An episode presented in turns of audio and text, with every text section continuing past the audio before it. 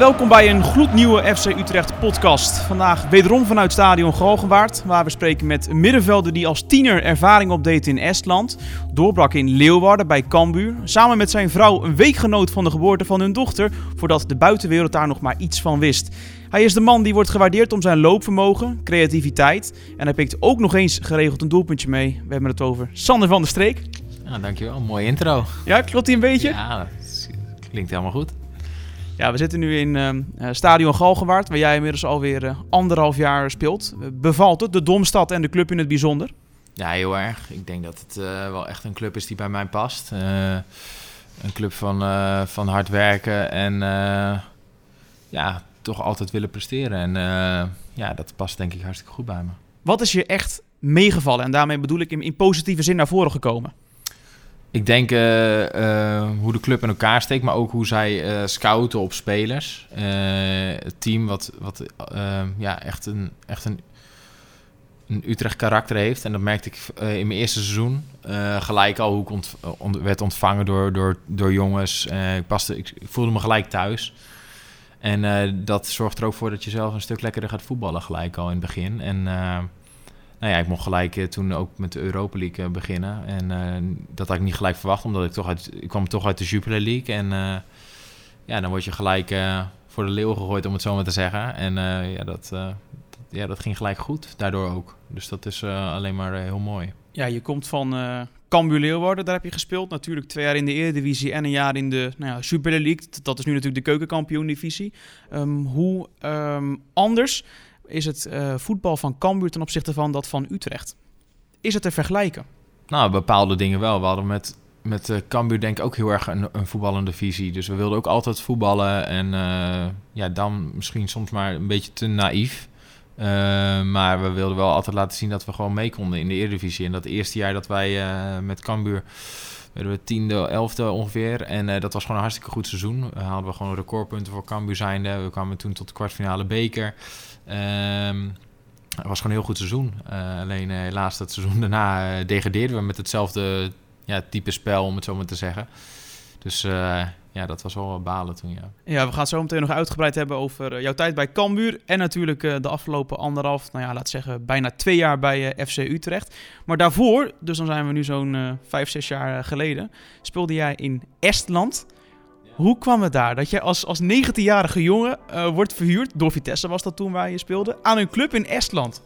Nou ja, het zat zo dat uh, ik wilde sowieso verhuurd worden halverwege het seizoen. Omdat ik uh, bij ehm, Jong Vitesse weinig speelminuten had. Omdat toen heel veel eerste, eerste spelers terugkwamen om bij Jong te spelen, bij Jong Vitesse.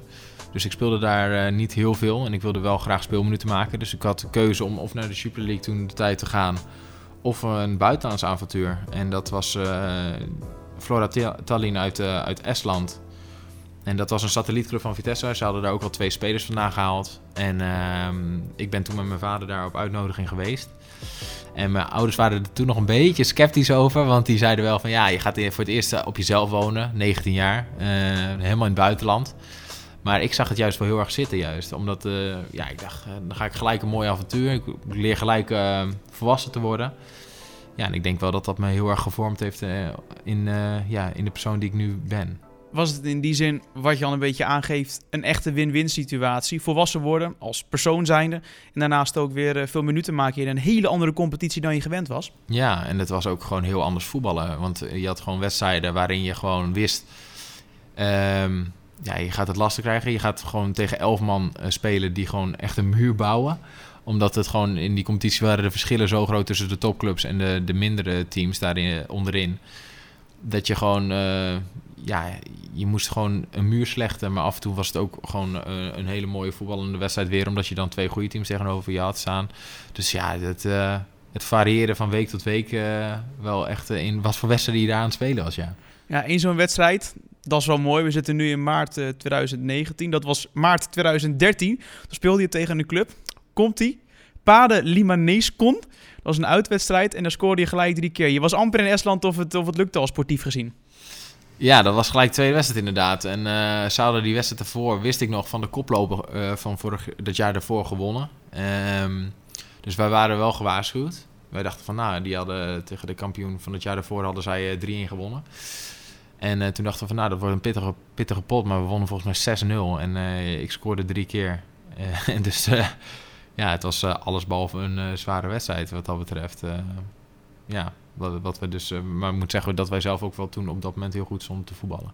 Hey, en na zo'n 6-0 overwinning, dan kwam je thuis. Hoe, hoe zag dat thuis in Estland er voor jou uit?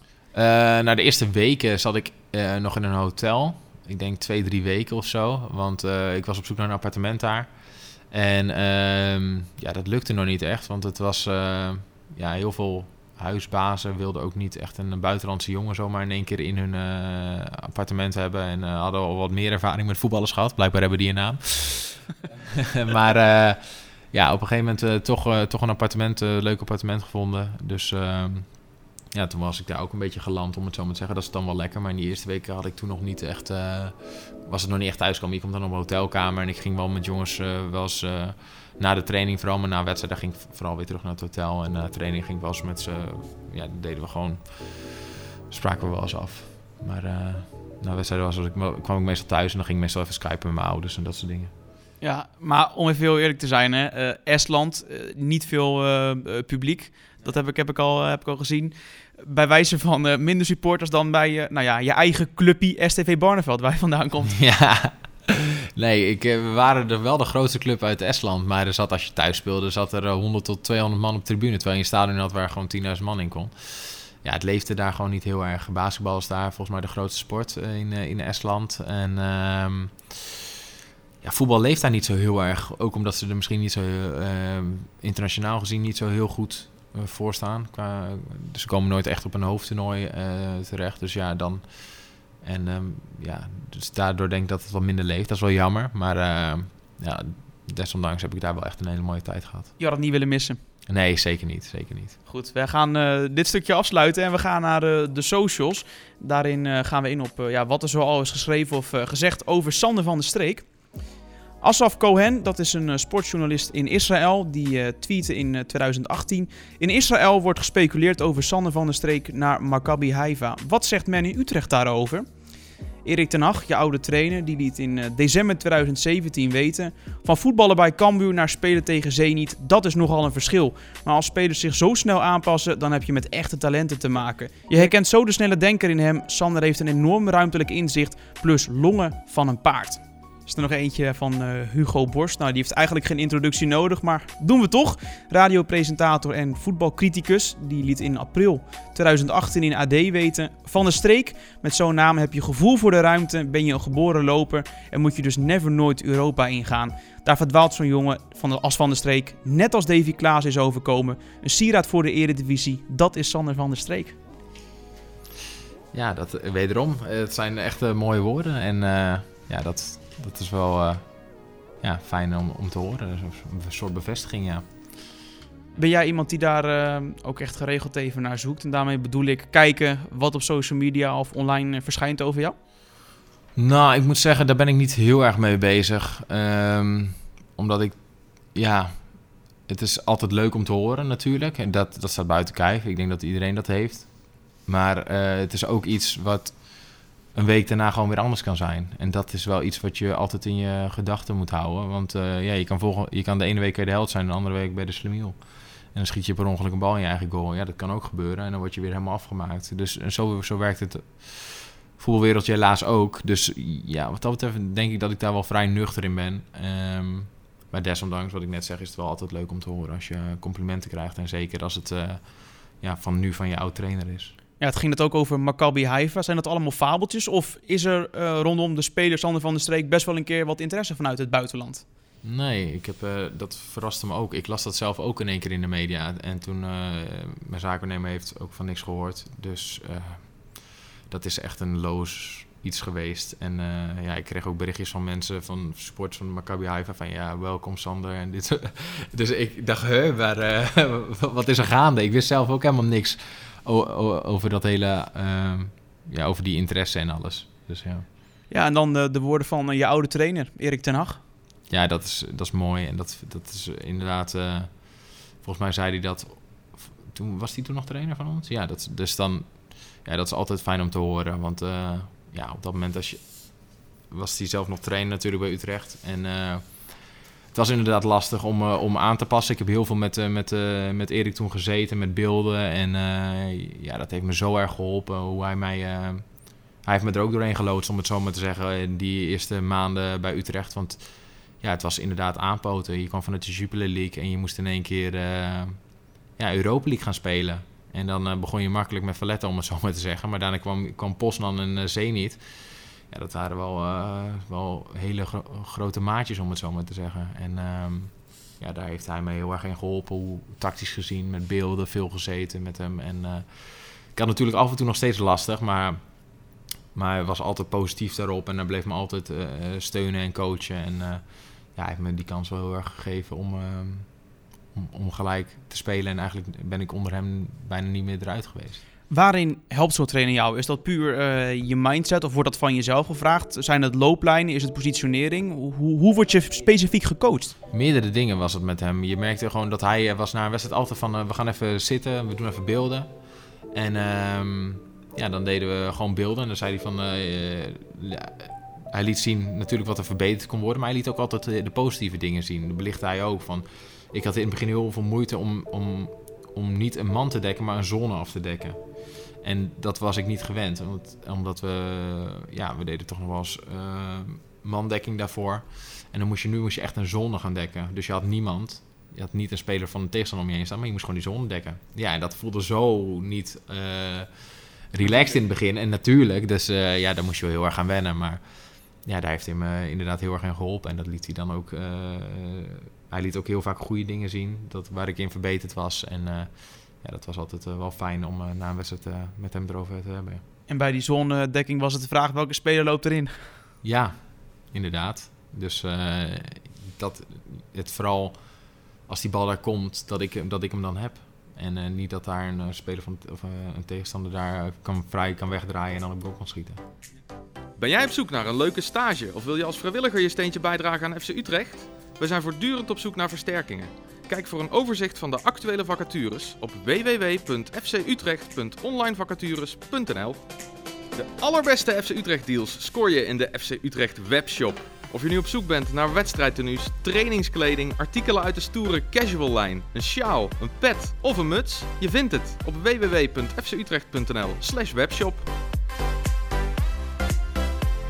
straks een momentje hebt, abonneer je dan ook zeker even op het YouTube-kanaal van FC Utrecht.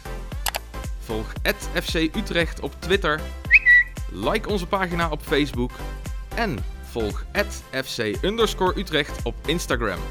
Zo blijf je elke dag en op alle mogelijke manieren op de hoogte van wat er speelt bij FC Utrecht. Ja, en misschien is uh, het, het meest mooie nog wel, niet alleen voor jou persoonlijk, maar ook voor, uh, voor denk ik een uh, gemiddelde voetbalsupporter, dat je zo van de Jupiler League twee, drie maanden later in de Europa League speelt. Ja, ja dat was wel echt En bij Zenit uit was, ja, dat, het stadion was net nieuw. Ja, dat was echt zo'n zo'n mooi avontuur. Ik denk dat dat voor meerdere jongens een van de mooiste wedstrijden was die wij gespeeld hebben. En helaas ja, hebben we daar niet een positieve resultaat kunnen halen. Ondanks dat ik nog, nog wel scoorde daar in de laatste minuten, maar hij werd afgekeurd helaas. Onterecht, hè? Ik vond het wel echt onterecht, ja. Ik denk als je daar een Engelse scheidsrechter hebt, dat, die, dat hij ziet dat ik gewoon eerder de lucht in ga dan de keeper. En plus ik spring rechtop en hij springt naar mij toe. Dus volgens mij maak ik niet echt de overtreding daar. Maar ja, daar heb je nou eenmaal mee te maken helaas. En ja, het was jammer. Ja, zometeen gaan we meer inzoomen op uh, je tijd bij Utrecht. Want daarvoor uh, speelde je drie jaar bij uh, Cambuur. Dat was redelijk succesvol, kunnen we, kunnen we stellen. Neem ons even mee naar dat eerste jaar Eredivisie, 2014, 2015 was het volgens mij. Ja, nou ja, ik kwam van Jong Vitesse af en ik, op een gegeven moment wist ik dat er interesse was van Cambuur. Dus ik had ook een gesprek gehad met Henk de Jong. Dat was heel positief. En die zei van ja, weet je, laat het maar bij ons zien. En ik heb de kans gehad van Henk toen. En ja, ik ben er onder hem ook dat eerste seizoen toen niet meer uit, geweest. En ik, moest, ik heb me op een gegeven moment erin gevochten in de basis. En ja, toen ging het steeds beter. Ik, maakte steeds meer doelpunten. En toen moesten we de derby van het noorden spelen, waarin ik uh, twee keer scoorde. Ja, en toen kon ik daar in, de, in Leeuwarden kon ik toen ook niet meer stik. Dus ja, dat was een heel mooi seizoen. Het. Ja, een, een standbeeld, is dat onthuld? Of, dat kon je bijna wel zeggen, ja. Maar nee, dat is helaas niet onthuld. Bij Cambuur 105 officiële duels, 34 goals, 12 maal een assist. Statistieken om trots op te zijn? Nou, ik denk als middenvelder zeker. Ik denk als je een derde van, uh, van de wedstrijden een doelpunt weet te maken, dan is dat denk ik wel een goede statistiek, ja. Waarin is Cambuur voormond voor jou geweest? Nou, ik denk dat het Cambuur wel een beetje te vergelijken is met Utrecht qua club. Alleen kleiner natuurlijk. Maar ook echt een volksclub. Um, ook uh, een stadion wat elke week, zelfs in de Super League, gewoon vol zat thuis. En uh, uitsports waar die heel vaak meegingen. Maar uh, dat, dat, dat is, het is echt een hele mooie club. Het is ook kritisch publiek. Maar dat, dat, dat heb je als, je als een, als een, ja, als een supporterschade zo betrokken is bij de club. Dan, dan vind ik ook dat ze kritiek mogen, mogen, of kritisch mogen zijn, laat ik het zo zeggen. Dus uh, ja, dat, dat, dat was uh, ook heel mooi. Ja, en, ja. en als je uh, kijkt naar de, de degradatie die natuurlijk volgde... Um, heb je toen even gedacht, ik, ik moet weg bij Cambuur? Want ik kan me voorstellen, als je twee jaar relatief goed bent bij een club... Ja, dan heb, dan heb je toch ook de clubs uiteindelijk voor het uitkiezen waar je heen kan? Ja, dat was toen helaas niet zo. Wij degradeerden en ik moet zeggen dat er toen op dat moment niet heel veel interesse was. En ja, waar het aan lag, Weet ik niet. Ik dacht dat ik toch wel uh, twee uh, goede seizoenen had toen laten zien bij, bij Cambuur. Maar goed, uh, ja, uiteindelijk is het helemaal goed gekomen. Ik heb het derde seizoen bij Cambuur toen heel erg ja, echt een topseizoen gehad. En ja, toen was ik heel blij dat, dat Utrecht om de hoek kwam. Ja. Je koos inderdaad voor Utrecht. Hoeveel meer clubs waren in de race om jouw handtekening? Nou ja, wel, er waren zaken waarnemen waar ze regelmatig door andere clubs gebeld, ja. En ja, uiteindelijk um, heb ik het gesprek met, uh, ben ik uh, aangegaan met Utrecht. En de, ja, dat voelde gewoon het beste. Dus uh, ik heb voor de rest ook niet, niet gesprekken met andere clubs gehad. Omdat ik, ja, het voelde zo goed. En dat, dat ik dacht van, ik ga naar Utrecht. We gaan naar de rubriek eens of oneens. Kom maar op. Ik zou best eens in een land of competitie puur voor het geld willen spelen. Eens. Ik word liever achtste met Utrecht en speel alles, dan vijfde waarin ik ook geregeld op de bank zit. Oneens. Als het aan mij ligt, dan speel ik nog eens voor Vitesse, waar ik ook in de jeugdopleiding kort heb gespeeld. Ja, dat kan altijd eens, ja. We gaan ze doorlopen. Allereerst, de zandbak, ja of nee? De zandbak is... Oh. Ja, dat, dat, ligt zo erg aan de, hoe oud ik dan ben. Ik zou er nu nog niet voor kiezen, maar ik denk over een paar jaar eh, dat ik, dat, uh, dat ik gek ben als ik dat niet zou doen. Kun jij inderdaad uh, voorstellen dat je puur voor dat geld uh, het vertrouwde Nederland of überhaupt het vertrouwde Europa verlaat? Ik ben om mijn 19 naar Estland gegaan. Ik ben wel maar dat was voor het sportieve natuurlijk. Dat was voor het sportieve toen, ja. Dat is wel zo, ja. Dat is een goeie. Maar, maar om het zo maar te zeggen, ik ben wel in voor buitenland. Dat, dat wil ik altijd nog wel een keer doen. En, uh, dus ja, ja, als het dan, als dan de Zandbakkamp uh, een jaartje, waarom zou ik het dan niet doen? Het zou misschien wel gek zijn als ik het niet doe. We hebben ook gezien dat bijvoorbeeld uh, Ramon Lewin voor een uh, avontuur heeft gekozen in Denemarken bij Odense Bolt Club. Is dat ook iets waarvan je denkt, nou ja, wie weet als ik wat verder in mijn carrière ben? Ja, je, weet, je weet maar nooit hoe alles loopt. En waarom zou je dat dan niet een keer doen? En als, als, als alle voorwaarden goed zijn om daar naartoe te gaan. En niet alleen financiële, maar ook uh, je, hoe je daar kan leven. En uh, nou, Scandinavië is sowieso volgens mij uh, heel goed om te leven. En is alles daar goed geregeld. Dus ja, ik snap hartstikke goed dat hij daar naartoe is gegaan. Ja, en jij zegt oneens over het ehm, liever wat lager eindigen en veel spelen. Ja, dan... ik, ben heel wel, ik ben wel iemand die wil dat het team altijd goed blijft presteren. En als ik merk dat ik, dat ik een zwakke factor ben in het team waardoor we niet presteren, dan, dan moet ik gewoon niet spelen. Maar als ik, als ik merk dat ik ook belangrijk kan zijn voor het team, ja, dan uh, wil ik altijd natuurlijk spelen. En, dan, en, dan, en ik hoop altijd dat, dat we zo hoog mogelijk eindigen. Dus dan, ja, dan maar minder spelen en uh, meer punten, ja. Ja, en Vitesse in de toekomst ooit, dat, dat sluit je niet uit. Nee, ja, kijk, ik heb drie jaar daar gezeten. En dat is heel anders dan dat het, wat er nu, nu meer is. Ik heb wel drie jaar daar gezeten dat het gewoon heel lastig was om door te breken. Ik, uh, er kwamen altijd jongens van Chelsea af op dat moment. En uh, ja, het was voor mij gewoon heel lastig om als jonge, uh, jonge jongen daar, daarin door te breken. Maar ja, je kan nooit nooit zeggen. Ik bedoel, het is, ik zou er prima kunnen voetballen nog hoor. Ja. Het is, het is, het is niet, ik heb een no hard feelings, om het zo maar te zeggen. Nee, nu natuurlijk bij Utrecht. Een denk ik, goed eerste jaar gehad. Nu het uh, tweede jaar uh, nou, natuurlijk ook een fase gehad waarbij je op de bank bent beland. Hoe heb je daar los van het harde trainen mee proberen te dealen voor jezelf? Tja, dat is een goeie. Na, naast het harde trainen. Um, ja, positieve mindset. Om het zo maar te zeggen, ik ben wel ik kan wel heel goed relativeren. En ik moet zeggen dat ik wel een goede thuissituatie heb. Waarin uh, mijn vrouw gewoon altijd, altijd positief ook achter me stond. En ook, uh, ik kon altijd gewoon met, met haar praten. Maar er waren ook altijd jongens uh, in het team die zeiden van... Weet je, het komt, het komt sowieso wel goed. Want je hebt vorig jaar laten zien dat je, dat je een hartstikke goed seizoen hebt. En dat was gewoon een seizoen boven verwachting.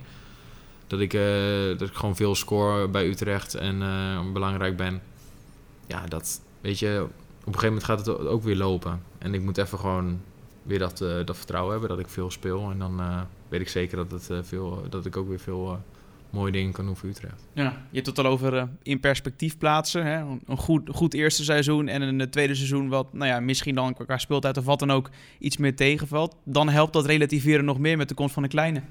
Ja, dat heel, helemaal, ja. Ja, ja het is het is een cliché, maar je gaat het pas echt merken als je een kind hebt wat belangrijk is in het leven, ja.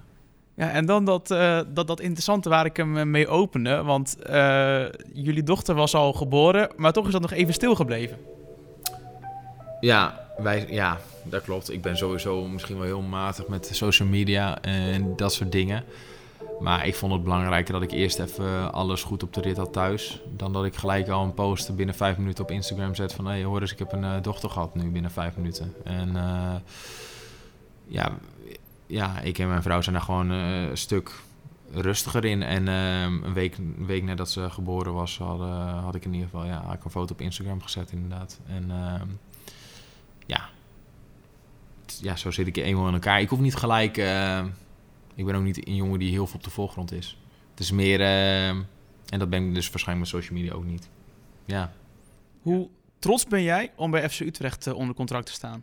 Ja, heel trots. Ik had daar, ik had daar alleen sowieso van, van gedroomd. Ik had pas op late leeftijd ben ik doorgebroken in het proefvoetbal. Dus ik had nooit het idee dat ik eigenlijk profvoetbal in zou gaan. Maar op mijn achttiende ging ik naar, naar Jong Vitesse toe. En um, ja, toen, toen ja, daarvoor dacht je nooit van, nou ja, ik ga doorbreken in profvoetbal. Dat, dat had ik gewoon niet. En dan mag je in één keer bij Jong Vitesse komen. En dan is dat daar drie jaar toch al een beetje redelijk uh, uitzichtloos geëindigd. En toen mocht ik naar Cambuur. Wat uh, toen best wel een verrassing was. Want dat is best wel apart gegaan allemaal. En uh, ja, dan speel je gewoon Eredivisie. En dan mag je daarna, als je degradeert naar de Jupiler League... mag je daarna gewoon naar een subtopper in de Eredivisie komen. Ja, dat is alleen maar fantastisch. Ja. Nou, je begon er net al over. Op een late leeftijd in het betaalde voetbal terechtkomen. Daarvoor speelde je gewoon bij je eigen clubje, STV Barneveld. Ja, amateurclub, eerste klasse. En uh, nou ja, ik brak wel op 16-jarige leeftijd al door daar. Um, dus dat was wel vrij jong, want dat hadden ze nog niet eerder gehad daar. Ja, dat, dat viel op, blijkbaar. En uh, ik scoorde ook regelmatig daar. En ja, volgens mij maakte ik mijn eerste seizoen daar 14 doelpunten al ook als middenvelder slash spits een beetje. Want ik werd eerst in het begin werd ik vooral spits geplaatst. En daarna kwam ik als tien meer te spelen. Ja, dat begon op te vallen. Dat ik als 16-jarige jongen toch wel vrij uh, scorend vermogen had. Maar ook uh, ja, gewoon mijn mannetje stond daarin. En uh, ja, toen werd ik dus door Jong Vitesse opgehaald, ja. Ja, je bent niet de enige van de streek die nog een link heeft met STV Barneveld, hè? Nee, dat klopt. Nee, mijn broertjes voetballen er allebei nog. Dus dat is ook wel echt heel leuk. En het is uh, uh, mijn middel, ik heb twee broertjes. Ehm, mijn middelste broertje, ik ben de oudste zelf. Mijn middelste broertje die uh, voetbalt in het tweede elftal, vooral. En mijn jongste broertje die gaat volgend jaar, die keept vooral in twee en die zit op de bank dan bij één. Maar die wordt volgend jaar waarschijnlijk eerste keeper daar. Dus dat is wel echt ja, heel leuk om te zien. Is het voor jou een droom om ooit met die jongens bij Barneveld nog samen te spelen? Nou ja, ik, ik, ik, heb altijd gezegd dat ik nog heel graag met hun samen wil voetballen ja, in het team. Dus ja, waar dat is, eh, als zij nog bij STW zitten, dan, uh, dan denk ik dat ik daar nog zeker uh, een jaartje sowieso met hun wil samen voetballen. Dus ja, laten we hopen dat zij nog steeds bij STW zitten. En nog voetballen überhaupt, hè? want dat, dat merk je ook. Steeds meer jongens die dan, ja, dan gaat er op een gegeven moment gaat werk komen en studie en dat soort dingen. Ja, dat, dat kan wel eens ten koste gaan van het voetballen. Bij, bij amateurvoetbal zie je dat veel. Maar ik hoop nog steeds dat ze die sportieve, sportieve ambitie blijven houden. En dat ik nog steeds een lekkere balletje met hun kan trappen. Maar dat pas, pas later. Hè? Dat is over, spreken we hopelijk over uh, ruim tien jaar pas. Het seizoen 2029, 2030. Ja, misschien zoiets, ja. Nou, als het even kan, dan hoop ik zo lang mogelijk door te gaan met profvoetbal. Maar uh, ik zou zeker nog een keer uh, daar af willen bouwen. Ja. Sander, ik vond het mooi om, uh, om met jou te spreken vanuit Stadion Galgenwaard. Het stadion waar je nu alweer de nodige wedstrijden hebt gespeeld. Jij als luisteraar, bedankt dat je er weer was bij de FC Utrecht podcast. Mocht je mee willen praten, dan kun je dat doen met de hashtag FC Utrecht podcast op Twitter. Kun je altijd meedenken over met welke mensen wij moeten spreken en welke onderwerpen wij moeten behandelen. Nogmaals, bedankt voor het luisteren en heel graag tot de volgende.